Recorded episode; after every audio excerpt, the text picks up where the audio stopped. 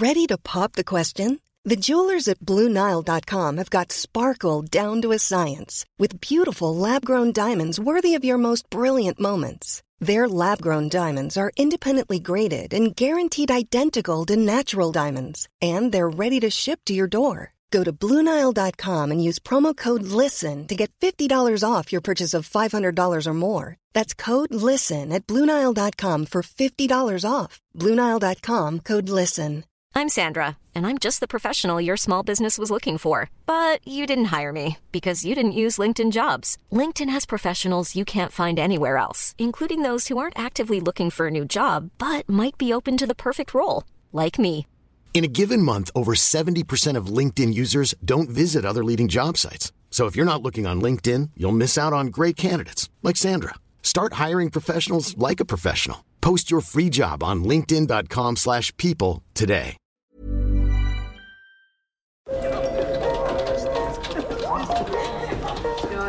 Dette er lyden av norsk næringsliv. Akkurat nå tas det små og store valg som kan bli avgjørende for fremtiden. Med økonomisystemet X-Ledger tas disse beslutningene basert på informasjon i sanntid, slik at drømmer og ambisjoner kan bli virkelighet. Få kontroll og oversikt, gå inn på xledger.no.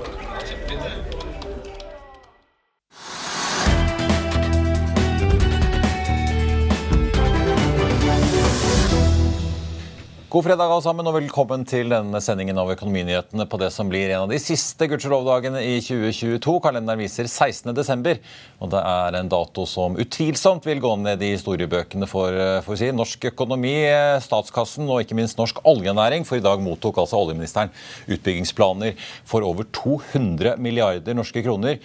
Og vi har vært ute for å overvære seansen hos Aker BP som skjedde tidligere i dag. Mer om det straks. Det blir også mer om gruver når jeg får besøk av sjefen i Nordic Mining litt senere. Men la oss begynne med å titte litt på markedet akkurat nå. Hovedindeksen på Oslo Børs endte jo ned 0,63% i går. Og I dag er vi foreløpig ned over prosenten og ligger ned rundt halvannen prosent nå litt over lunsj. Og Det er da tredje dagen med nedgang på Oslo Børs. Holder dette ut dagen, så ser det ut at vi også vil ende uken ned rundt halvannen prosent. Og Det er ikke noe bedre rundt oss i Europa heller. Ganske solid nedgang på alle de store indeksene, og futuresene på Wall Street peker også ned da i forkant av åpningen av det amerikanske markedet. Vi så på Wall Street i går at Dow Jones endte ned over 2 SMP 500 ytterligere da 2,5% ned. og Nasdaq litt over 3% i kjølvannet av da rentebeslutningen i USA på onsdag kveld. Nordsjøoljen den bikket igjen under 80 dollar fatet i dag, og hvis det holder, så blir det dermed ikke mer enn tre dager der vi da avsluttet over 80 for denne gang, i hvert fall. Spotprisen ligger nå ned 2,75% til 79,20, og den amerikanske lettoljen er ned like mye til da 74,20. Det internasjonale energibyrået oppjusterte sine etterspørselsutsikter for Kina denne uken. Det gir jo noe støtte til oljeprisen, men da renteøkningene og aggressive toner fra sentralbankene ser ut til å trekke i motsatt eh, vei. Og Apropos oljeprisen, Aker BP er ned 2,3% så langt i dag. Equinor litt over halvannen prosent. Og de som bl.a. har fått kontrakter i dag, som vi straks skal snakke mer om, Aker Solutions da ned 0,4% De var jo opp nesten 3% på det meste. Og Subsea 7 ligger ned en snau prosent. De er også opp over 2% på det meste. Så får aksjonærene trøste seg med at begge to er opp mellom 50 og 70 da så langt i år. Av de andre store oljeaksjene på Oslo Børs så er Vår Energi eh, ned en snau prosent, de også. DNO faller 3,2% og Blant de eh, nesten, ja, nesten 40 mest omsatte aksjene på Oslo Børs i dag, så er det nesten bare én som stiger. og Det er biotekselskapet Nordic Nanovektor, som er opp over 15% Folketrygdfondet varsler at de nå selger alle sine nesten 7 millioner aksjer til North Energy. og Dermed er de oppe i en eierandel på da snaue 16% Aksjen er jo ned over 95% i år etter eh, får vi si, den katastrofale utviklingen i paradigmestudien som selskapet måtte legge ned. Og så har vi jo da sett at både styret og ledelsen har varslet at de eh, trekker seg etter at den foreslåtte redningsplanen ikke ble vedtatt på den ekstraordinære generalforsamlingen. North Energy faller for øvrig nesten 7 i dag. Det er en rekke jobbbytter på gang i næringslivet. Som vi meldte om i morges, så takker konsernsjef Ørjan Svanevik for seg i Arendals Fosse Kompani. Han etterfølges midlertidig av finansdirektør Lars Peder Fensli, som skal fungere inntil en permanent etterfølger er på plass. Eh, da fortsetter jo da Svanvik som styreleder i Volue og Evolgy, men eh, han sier jo da i en melding at eh, han syns det er på tide å søke muligheter i Oslo, der han og familien bor. Arendals Fosse er nede en 7 i dag. Og så har Akastor og Baker Hughes sitt felles selskap for boretjenester, HMH, byttet sjef. Meryl A. Miller går av i slutten av året og erstattes av tidligere sjef i MH Virt. Akastor-selskapet, som altså var en del av denne joint venturen, eh, Eirik Bergsvik, han er i dag i ledergruppen i HMH. Acastor Akastor ned 0,8% nå midt på dagen. Og I Eveny, tidligere BKK, så er Ragnhild Janbu Fresvik ansatt som ny konsernsjef. Hun kommer fra stillingen som investeringsdirektør i Grieg-gruppen og daglig leder i morselskapet Grieg Mauritas. Janne Fresvik har tidligere vært konserndirektør og sjef for bedriftsmarked i Sparebanken Vest.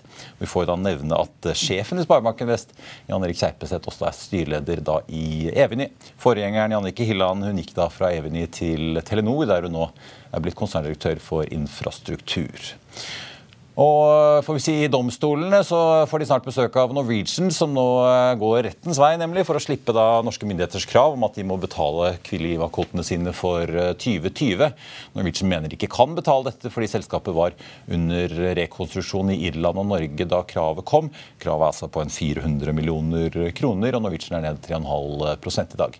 På vinnerlisten så finner vi Nordic Unmanned langt oppe. De stiger godt over 12% etter en melding om en tiårig kontrakt med Lockheed Martin. Lockheed Martin sikret seg jo da en stor dronekontrakt med britiske myndigheter eh, litt eh, tidligere i år.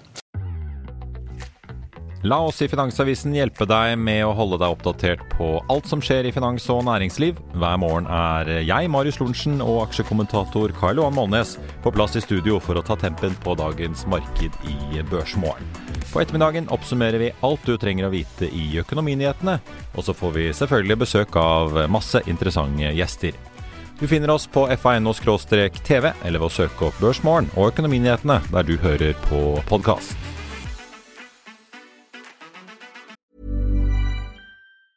Mother's Day is around the corner. Find the perfect gift for the mom in your life with a stunning piece of jewelry from Blue Nile. From timeless pearls to dazzling gemstones, Blue Nile has something she'll adore. Need it fast? Most items can ship overnight. Plus, enjoy guaranteed free shipping and returns. Don't miss our special Mother's Day deals. Save big on the season's most beautiful trends. For a limited time, get up to 50% off by going to Bluenile.com. That's Bluenile.com. I'll see you in court. Vi sier det ofte litt på spøk, men for deg som driver business, er det aldri moro å innse at du ikke har laget en 100 gyldig kontrakt. Du bør ikke risikere hele firmaet ditt fordi du synes dette med kontrakter er litt stress. En avtale er ikke en avtale. Du kan miste kunder, miste venner, ja, til og med miste inntekter om du ikke lager en skikkelig kontrakt, på alt mulig, egentlig. Men vi vet det er et styr. Kopimaskiner, treg printer og haugevis av papir. Dessuten stoler vi jo på folk her i landet. Det er ofte litt kleint å skulle be om en signatur for alt mulig, ja, for mye av styret handler også om jakten på underskriften. Det finnes en enkel måte å løse dette på, Dukkobit, en trygg, effektiv og get this, gratis måte å sikre seg en god natts søvn pluss en juridisk bindende avtale. Dukkobit-appen har de strengeste sikkerhetskrav i bunn, samt en EU-godkjent og sertifisert teknologi. Framover vil det bli behagelig å spørre du, skal vi skrive under på det, eller? Kom i gang på dokobit.no.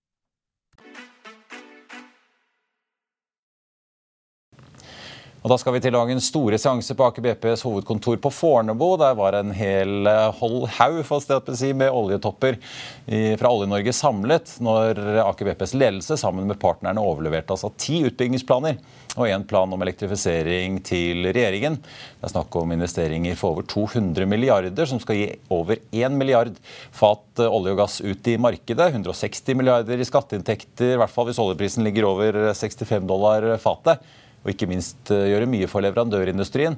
Kontrakter ble på noen få minutter eh, delt ut for over 90 milliarder kroner. Aibel fikk en kontrakt på en plattform på Krafla som nå er døpt om til Munin-feltet, til 7 milliarder.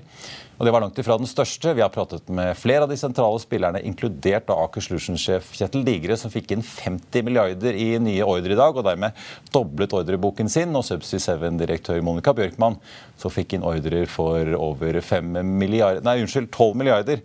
Men vi begynner med olje- og energiministeren. Bare se her.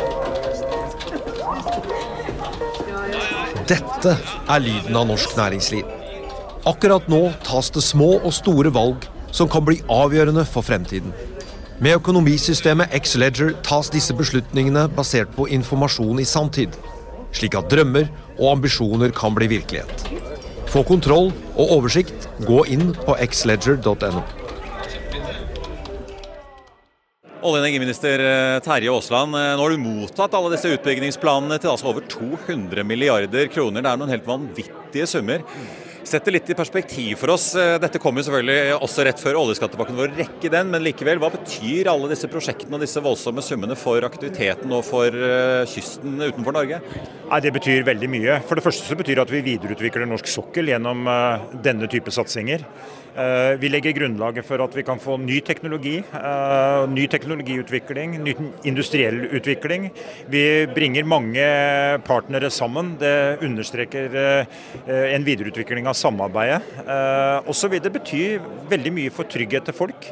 At de har en jobb å gå til når de står opp om morgenen, det er ganske verdifullt. Og for dette gir mye sysselsetting rundt omkring i landet? Mye sysselsetting. 150 årsverk er beregna i Norge. 1000? 150 000 årsverk i Norge. Eh, et fantastisk tall. Eh, og betyr også at det er norske bedrifter, norsk kompetanse og norsk arbeidskraft som eh, kommer til å skape disse mulighetene. Så det er en veldig god understreking av betydningen med aktiviteten på norsk sokkel. I tillegg så vil jo dette være med på å opprettholde vår mulighet til å eksportere ikke minst gass til det europeiske markedet. Og det kommer de til å trenge mye av i også fortsettelsen. Har, altså mange av disse prosjektene ble jo virkelig satt fart på sommeren 2020, eh, rett etter at Stortinget vedtok denne oljeskattepakken. Den har vært mye diskutert eh, opp gjennom årene. Den har sine tilhengere, den har sine motstandere. Og diskusjonen om man har vært for raus med investeringsfradragene gjennom friinntektene eller ikke, har jo rast. Sett sånn i ettertid, når du ser eh, hva balanseprisen er, hva man forventer av skatteinntekter og aktivitet, hvordan reflekterer du over på en måte da, dette kapittelet i norsk oljehistorie med denne skattepakken og prosjektene som har kommet ut av det? Nei, Disse aktivitetene er veldig viktige. Som jeg sa, Dette handler om å videreutvikle norsk sokkel. Og så har vi gjort en liten justering i friinntekten på oljeskattepakka. Det tror jeg var riktig ut ifra det prisbildet vi nå ser. Eh, men eh, dette understreker også de fantastiske mulighetene vi har på norsk sokkel eh, videre. Og så er det viktig at vi også som myndigheter står fast på de utgangspunktet, rammebetingelsene som vi har gitt en så viktig næring for Norge. Til slutt må jeg spørre deg om eh, veien videre, for dette er jo prosjekter som nå skal bygges ut eh, med produksjonsstart vel eh, i 2027 på de to største her til slutt. Hva gjør dere egentlig for aktiviteten etter dette? EU har jo i år vært hindrende klare til deg og norske myndigheter om at de ønsker mer norsk olje og gass etter 2030 også, for å nettopp ha en alternativ kilde enn Russland. Men hvis ikke vi finner noe mer, så blir det jo en ganske brå nedgang på 2030-tallet. Hva gjør dere da for kapitlet som kommer etter disse prosjektene? Nei, jeg tror norsk sokkel kommer til å ha en attraktivitet når det gjelder eh, fortsatt leting eh, og fortsatt eh, funn som gjør at den kan investere. Rett på nyåret så kommer jeg med, med kunngjøringen av hvem som har fått tildelinger i den siste forhåndsdefinerte runda. Og Det er jo en modell vi skal videreføre også. så norsk sokkel viser jo seg å være attraktiv for investeringer, så det blir viktige prosjekter der framover. Men samtidig så har jeg lyst til å understreke dette er også grunnlaget for en eh, del nye eh, muligheter innenfor energifeltet. Både havvind, karbonfangst og -lagring og ikke minst eh, dette med hydrogen, som vi ser at eh, mange europeiske land etterspør mer og mer. Grunnlaget ligger i at vi videreutvikler norsk sokkel, at vi finner gass som eventuelt kan konverteres til, til hydrogen, og være da en energivennlig eh, energibærer. Så, det, er det er lisensutdelingene som er det primære verktøyet her? da? Ja, det er det. Eh, og det er liksom den viktigste ramma for å legge grunnlag også for videreutvikling av aktivitet på norsk sokkel. Hva sier du da til EU når dere har utsatt 26. konsesjonsrunde i kompromiss med SV? da? Har, har de reagert på dette i Brussel? Nei, altså Det som er viktig, det er jo at norsk sokkel videreutvikles. og Det gjør vi nå gjennom disse forhåndsdefinerte områdene. og Disse prosjektene er jo allerede i tilknytning til, til modne områder på norsk sokkel, hvor det er infrastruktur. Eh, og hvor en kan eh, skape merverdier ut av den infrastrukturen og de områdene som allerede er der også. Så dette er eh, en god utnyttelse av det som allerede er gjort også på norsk sokkel. Karl Jonny Hersvik, konsernsjef i Aker BP. En eh, stor dag for dere. Nå har vi hørt oljeministeren eh, snakke om alle disse 200 milliardene og nesten 150 000 årsverkene i disse enorme prosjektene har å si for på en måte norsk økonomi og norsk sokkel fremover. Men fortell litt sånn for selskapet ditt eh, sin del. Hva betyr dette her? Du har jo nå ledet selskapet fra det heter Norske, fusjonerte med BP. Dere har gjort masse store oppkjøp, bygget og bygget. Kronet det hele med Lundin-oppkjøpet i sommer, og nå står dere her i dag. Ja, eh, dette er nok en rundingsbøye. Og kanskje den største rundingsbøyen. Eh, det som skjer nå, vet du, er jo at vi går fra et eh, selskap som var veldig lett på foten. Det hadde stor manøvrerbarhet, stor fleksibilitet. Uh, og, og, jobbet veldig mye med inorganiske investeringer. Men har jo demonstrert at vi er gode på feltutvikling og feltutbygging uh, gjennom mangfoldige prosjekter. Og nå skal vi i gang med en stor utviklingsoppgave. Så vi har brukt uh, lang tid nå på å forberede oss på dette, både i organisasjon og ja, hele på en måte kapitalrammeverket og alt. Ja, det er en, på en måte et litt nytt kapittel internt i selskapet, og at dere begynner å jobbe på en litt annen måte og innta en litt annen rolle også? Ja, det, det, er klart Vi må prøve å gjøre to ting samtidig. Vi, vi, skal på den ene siden drifte 440 450 000 fat, og vi skal gjøre det med høy regularitet og vi skal gjøre det på en måte som er mye bedre enn andre i industrien eh, får til. Og så Samtidig så skal vi jo bygge ut denne porteføljen. Så det er klart Vi diskuterer veldig mye kompetanse, organisasjon og strukturer og sånn.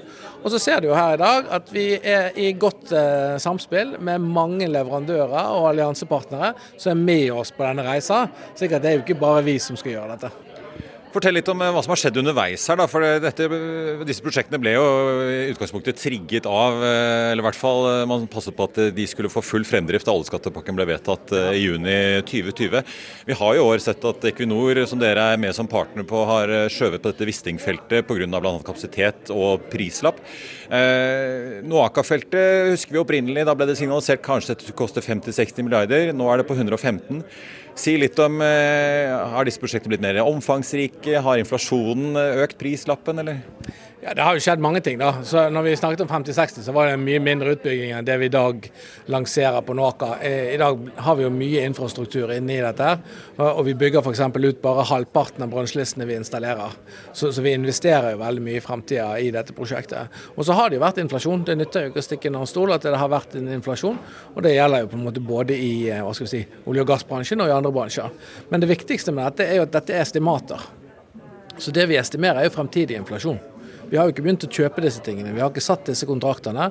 Og vi har strukturert dette på en sånn måte nå at vi har prøvd å, å eh, ivareta risikoen hos de som har høyst potensial for å ivareta risikoen. Det betyr at vi er i stand til å eh, plukke de beste prisene, og at våre leverandører ikke trenger å gå ut i markedet nå når stålprisene faller f.eks., og sikre seg stål nå mot å sikre seg stål om seks måneder. For Da vet vi at prisen kommer til å være lavere. Så, så vi har valgt en del strukturer som gjør at vi er i stand til å håndtere den fremtidige inflasjonen. Eh, og Det siste som, som, skjer, det er jo at man blir mer detaljert. Altså Det er jo en viss sånn scope-utvikling. da. Det kommer flere brønner inn, sant? volumene går jo en del opp. Så eh, når vi så på denne porteføljen for eh, bare en liten stund siden, så tar Noaka som eksempel, så snakket vi da om 500 fat. Nå snakker vi om 650 fat. Så, så det er disse tre effektene. Dere sier jo i dag at uh, på porteføljenivå i disse prosjektene så er det en balansepris på en 35-40 dollar. Eh, de som har lest uh, mye om oljeskattepakken vet at den kuttet jo break-even med en 10 dollar. Så kom regjeringen med en endring nå i høst som gjorde at den løftet seg en 5 dollar igjen. Men hvor trygge er dere på at dere klarer å levere 35-40 dollar eh, balansepris eh, på disse prosjektene, gitt det du sier at det er mye som skal kjøpes inn, mye som skal bygges, mye som fortsatt skal utvikles før dette faktisk kan settes i drift om eh, ja, frem til 27-28?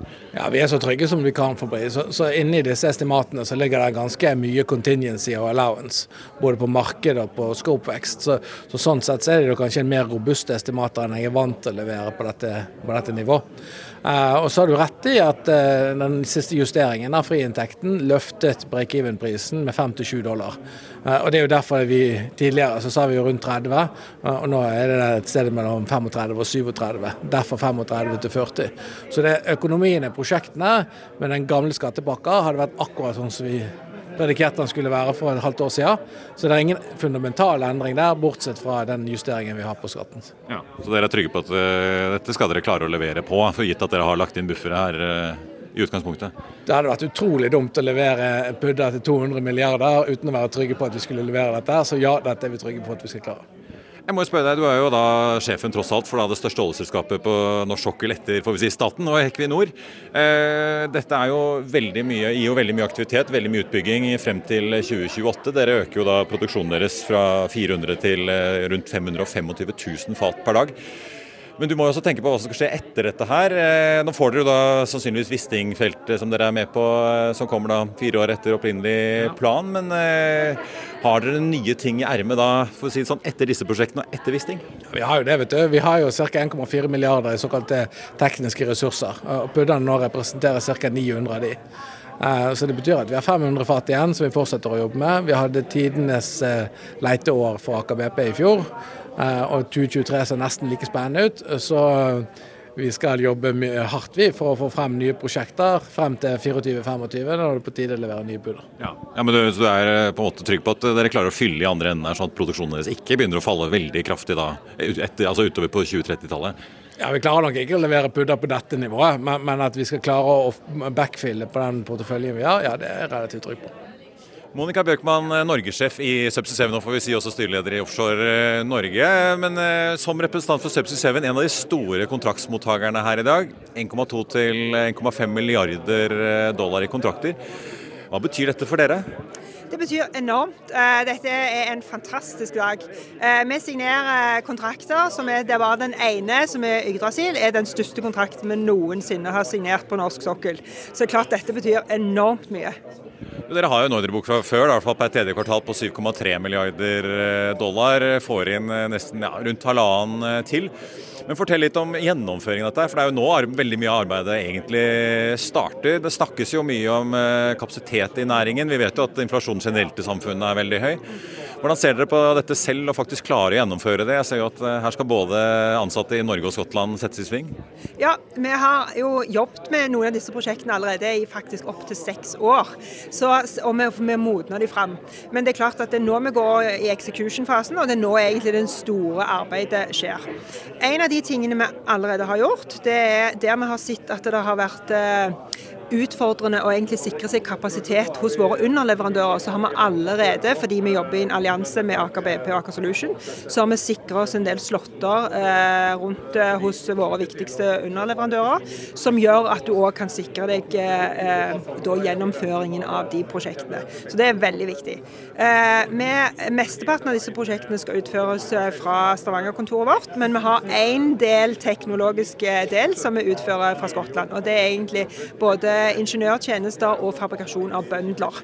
Eh, så det er to bøndler på Yggdrasil, på den nordre delen, og så er det en eh, litt mindre bøndel eh, på Fennes.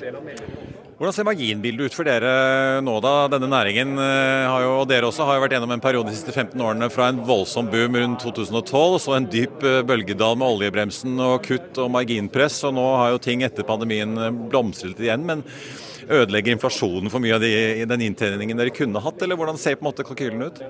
Eh, jeg vil definitivt si at vi har bedra oss siden eh, vi var i nedtur eh, noen år siden, men det er fremdeles tøft. Det er ingen tvil om det. Kostnadene går opp. Vi ser at leverandør, hele leverandørleddet koster mye mer. Men jeg tror jo en av suksessene i denne kontraktsmodellen her, det er jo det at vi har en slags pain gain share-modell, som betyr at vi skal sammen jobbe for å sikre at vi har en god gjennomføring, og at vi holder kostnadene på et fornuftig nivå. som òg gjør at det, det, er en god risikofordeling mellom oss og operatøren. Eh, og Det igjen gjør jo at vi sikrer oss en fornuftig margin på disse prosjektene. Til slutt, Dette er jo svære summer, men eh, hvordan ser det egentlig ut for liksom, Subsea 7 eh, nå da i årene fremover? Hvor mye mer arbeid trenger dere for å fylle opp ordrebøkene ordentlig? Altså, hvor mye utgjør dette her egentlig sånn av totalen for dere? Eh, så for Norge så utgjør Aker BP kanskje 40% av totalen av det vi gjør, så det er ganske mye. Disse kontraktene gir oss arbeid fram til 2027, eh, så det er jo veldig lenge. Og det er mye lenger enn det som vi normalt ville, ville ha hatt. Eh, så det betyr utrolig mye. Men det betyr ikke at vi er fulle. Men det er klart at det begynner å tette seg til i noen år. Men, og vi kjemper jo mot, mot på en måte det globale markedet, og Norge òg. Men, men Norge er en veldig viktig del av Subsea 7-totalen nå framover. Kjetil Ligre, konsernsjef i Aker Solutions. Eh, får vi si eh, mottakeren av i hvert fall i milliarder eh, mest ordrer her i dag. Ca. 50 milliarder kroner i ordre. I går kom det ordre fra eller i hvert fall intensjonsavtale, men ordre fra Okea på elektrifisering av Draugen også. Hva betyr dette for Aker Solutions? Det er jo noen voldsomme summer? Betyr jo at vi for det første får bekrefta planene og strategiene våre. Det er jo dette vi har, har gått for etter at det ble klart både tiltakspakken på norsk sokkel, Eh, at vi har jobba med Energy Transition med Okea på Draugen f.eks. Det er jo det, er det vi har modna sammen nå i tidlige faser, og så kommer kontraktene fordi de har kommet på et godt og modent sted. Og Framover så betyr det jo selvfølgelig at vi har en veldig tydelig, tydelig horisont med kjernevirksomhet som vi kan alt om. Og På toppen av det så skal vi jobbe med endring og omstilling av industrien og oss sjøl, som vi også har sagt vi skal gjøre. Nå har jo Wisting-feltet skjøvet på Equinor snakket bl.a. om kapasiteten i leverandørindustrien. Eh, altså I dag så mer enn dobler dere ordreboken deres. Den var jo på så vidt over 50 milliarder ved enden av tredje kvartal. Nå får dere over 50 milliarder til bare i dag. Hvordan skal dere håndtere alle disse leveransene? Jeg skjønner at det skal gjøres over flere år, men likevel, det er jo enorme leveranser. Ja, nei, vi, vi, har jo vært i en bransje som er syklisk, også vi som selskap, med både engineering, organisasjonen vår og verftene og fabrikken er jo vant til å å gå, gå, opp og ned, rett og slett. Eh, vi har eh, jobba mye også sammen med Aker BP som alliansepartner for å analysere og lære av de forskjellige toppene og bunnene vi har vært igjennom. Og Det er litt sånn ingeniørspråket fra meg, da, men det er klart det å, vite da hvor smertegrenser går for hvor mye vi kan håndtere, og så uh, ligge godt under det uh, med denne totale arbeidsmengden som vi går inn i. Så Det er tenkningen, og vi er veldig komfortable med både prosjektens modning og aktivitetsnivået vi skal inn i. Hvis man spoler en 15 eh, år tilbake i tid, så har dere vært gjennom en periode med veldig gode marginer, veldig mye å gjøre. Så kom oljebremsen. Da var inntjeningen veldig under eh, press.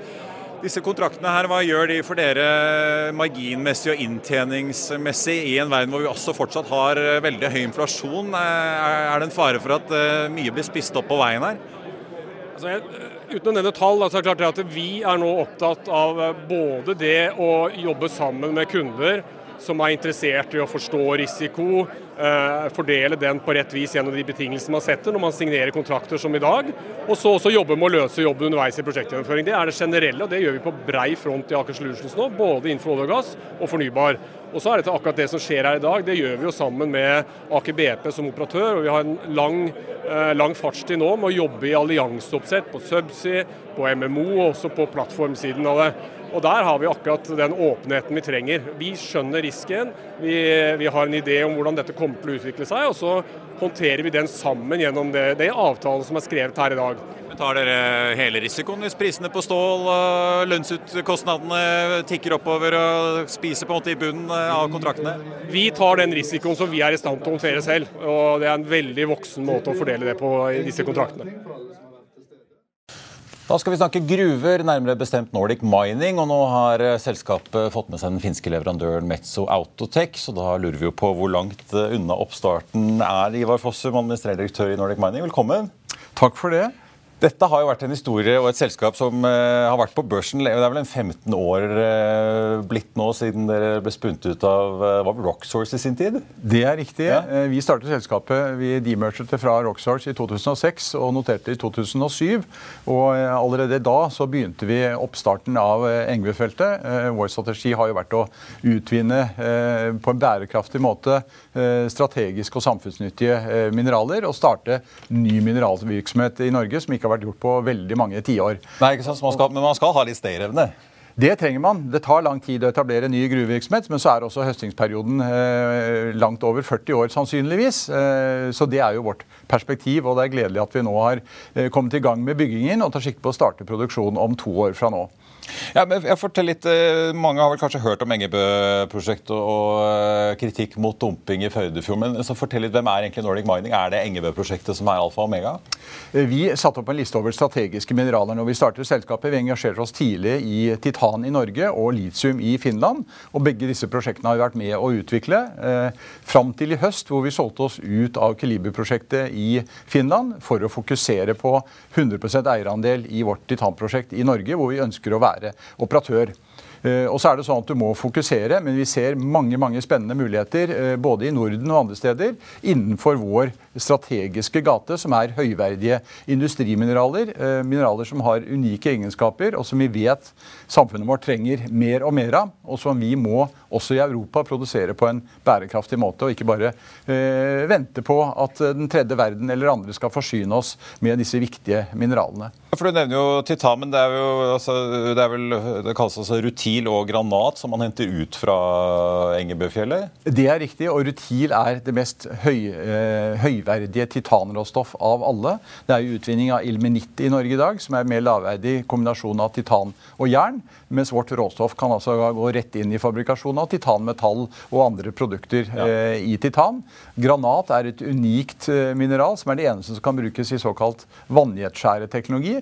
Eh, fordi det har den perfekte hardheten og tyngden. Og Fins i sandpapir bl.a.? Det også, ja. men det er på en måte underhundet over vannjetskjæreteknologien, ja. som har gjort at de har blitt en commodity de siste 10-20 årene. Men Har dere konkurrenter eh, på råvaresiden i Europa, eller kommer dette fra andre deler av verden? hvis man og det er det som er litt spennende eh, med denne satsingen. Vi vil over tid få en helt unik strategisk posisjon innenfor begge disse mineralene eh, i Norge og i Europa. I dag er Ukraina en liten produsent av rutil. De går tomme i sin forekomst om noen år. Eh, da vil vi bli den eneste. Og det er ingen produsenter av granat i Europa i dag. Og med en av verdens største forekomster av disse to mineralene, så kan vi ha et langsiktig perspektiv. I første omgang ca. 40 års drift. Vi skal snakke litt om uh, finansieringen og hvordan dere skal få dette i havn. Men jeg tenkte litt sånn prosessmessig først. Det har jo vært masse diskusjoner om Engebø og uh, kritikk fra Naturvernforbundet og Natur og Ungdom som går til sak mot staten for å hindre dere. De vil ikke ha noe dumping i Føydefjorden. Men er det, er det, noe som kan stoppe dere i, praksis nå? For vi har jo også sett noen grunneiere i området bak dette Arctic Mineral som har anlagt sak mot dere. Nå tapte de også i Borgarting lagmannsrett, men de har sagt de skal anke ikke. Ser dere noen på en måte reelle sjanse for at uh, prosessen deres kan bli, i realiteten bli stanset eller satt på vent? Vi har jo utviklet og modnet dette prosjektet gjennom som du sa, 15 eh, år og, og fått på plass alle våre tillatelser eh, fra myndighetene. Senest nå i mai, hvor Næringsdepartementet bekreftet vår eh, driftskonsesjon. Eh, vi har fått en stemning fra AMR hvor de har tapt i to instanser med omkostninger i retten. Eh, vi er veldig rolige på, eh, på, at vi kan fortsette å starte denne produksjonen i 2024. Ja. Og som vil bli den første nye gruva i Norge på flere tiår. Men, er, men dette søksmålet fra Naturvernforbundet mot staten, eh, altså kan det føre til noe stans, eller ser dere på en måte det som en vi ser ikke på det som noe, som noe, dramatikk. Eh, det har vært en eh, veldig veldig grundig, eh, lang og bred utredning av dette prosjektet, som det selvfølgelig skal være når man utvikler ny industri, og spesielt gruveindustri, og særlig når det er en, en ny gruve. Det er helt naturlig. Vi tror at våre utredninger og myndighetens vurdering står veldig trygt. Eh, en ting er jo tillatelse, men man må jo ha penger på boka. Si. Eh, og det er jo ikke noe småpenger, selv om eh, oljenæringen har langt større summer. Så er det jo tross alt 2,5 milliarder kroner omtrent dere regner at dere må investere for å få den gruvevirksomheten opp og gå. Nå har vi jo sett i løpet av høsten at dere har fått en god del ting på plass. Dere fikk et obligasjonslån på 100 millioner dollar. Dere har også som du var inne på, solgt en del aksjer i Keliber, dette litiumselskapet i Finland. Hvor mye av disse grovt regnet 250 millionene dollar er det dere har i boks nå? Vi har i år sikret eh, ca. 211 millioner dollar. Vi gjenstår med i størrelsesorden 65 millioner dollar for å komplettere eh, finansieringen som sådan. Men det at vi fikk inn noen tidlige investorer fra en lokal investorgruppe allerede i februar, gjorde at vi kunne starte byggingen i april, og sånn at vi kan opprettholde fremdriftsplanen. Ja. Men eh, hva, hva, Hvordan skal dere fylle opp siste, de siste 60 millioner dollarene omtrent? da? Er det De arbeidet er jo for lengst i gang. Ja, det antar jeg. Så, ja, for Det har jo høyt Clarkson og Sparebank Markets, men er det, liksom, er det åpent om det er mer obligasjonsgjeld, egenkapital? Det er naturlig for oss å fokusere på egenkapital i, i, den biten. Eh, og det er jo noen viktige tilskudd også som kommer, både fra, fra kunder eh, og fra salget i Keliber, som vil være med å komplettere eh, den biten. Ja. Ja, for jeg så jo På obligasjonslånet i hvert fall, så er det jo 12,5% fast rente. Eh, med en utstederpris på 90% av pålydende. Så i hvert fall første året blir det jo nesten 14% rente til de som eh, låner dere penger. Det er jo ikke til å komme unna at det er en ganske dyr finansiering. Eh, altså, da skal du ha god inntjening for å dekke den, den rentebelastningen.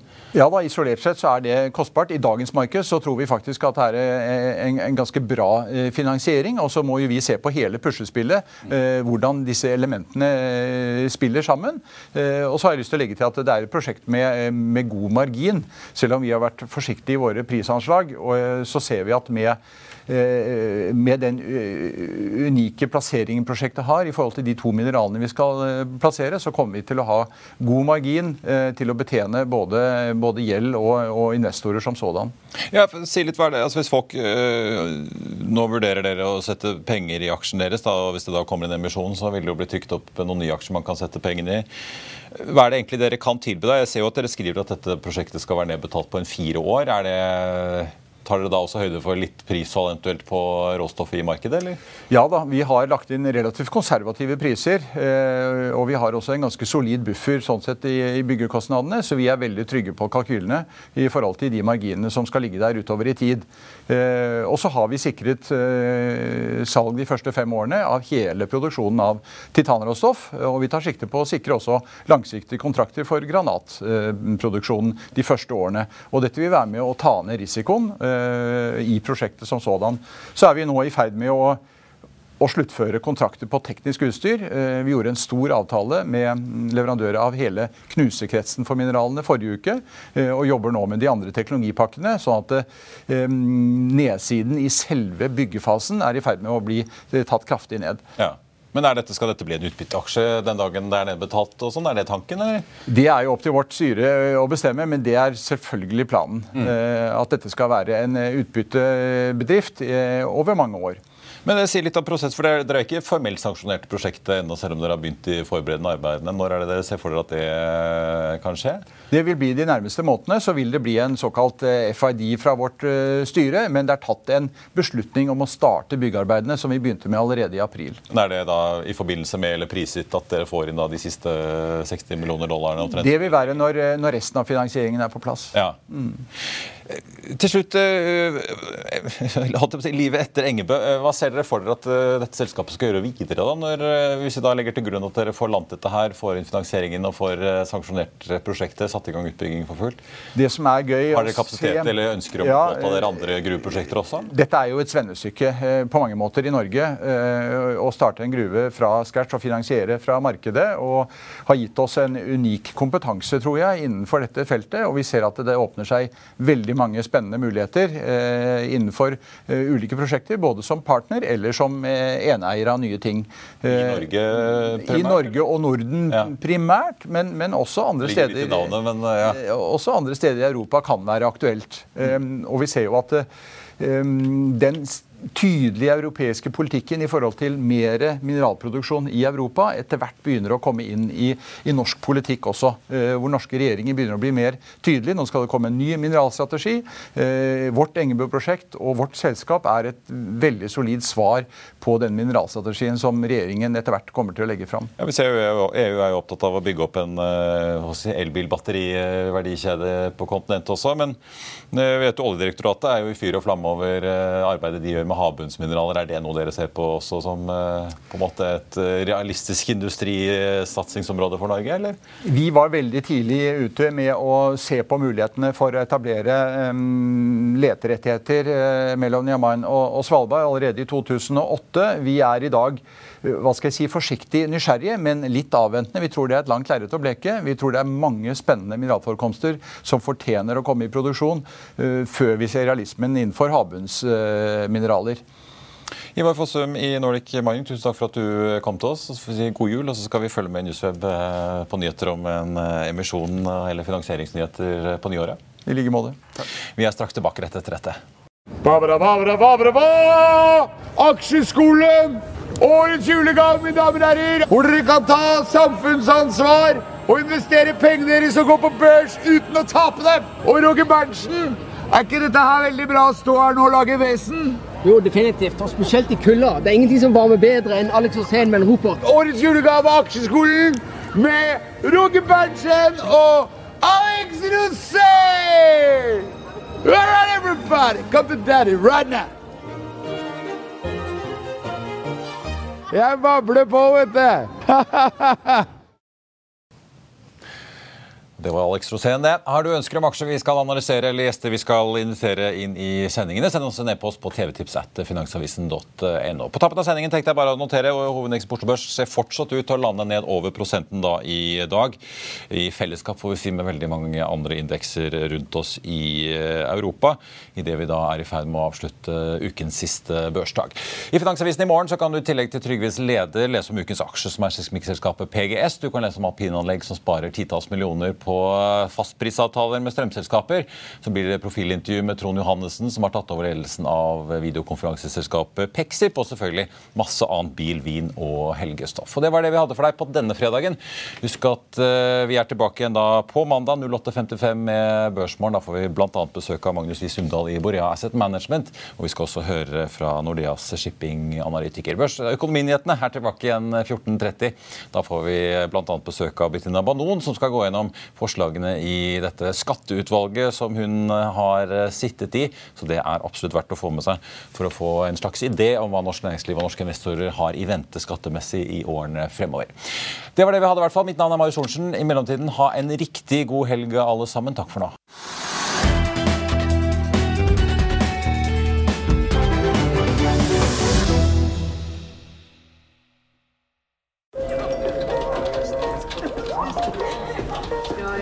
Dette er lyden av norsk næringsliv. Akkurat nå tas det små og store valg som kan bli avgjørende for fremtiden. Med økonomisystemet X-Leger tas disse beslutningene basert på informasjon i sanntid, slik at drømmer og ambisjoner kan bli virkelighet. Få kontroll og oversikt, gå inn på xledger.no.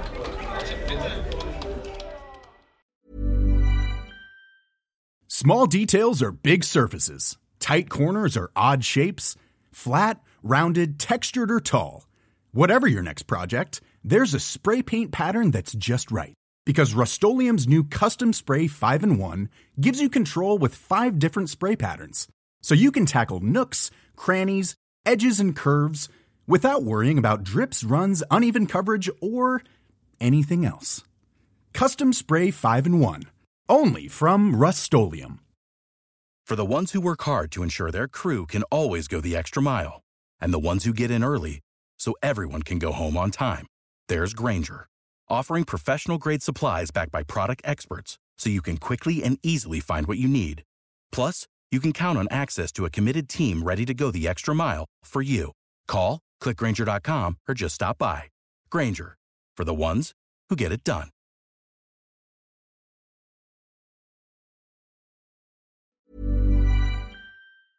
Økonominyhetene er en podkast fra Finansavisen. Programledere er Marius Lorentzen, Stein Ove Haugen og Benedikte Storm Bamvik. Produsenter er Lars Brenden Skram og Bashar Johar. Og ansvarlig redaktør er Trygve Hegnar.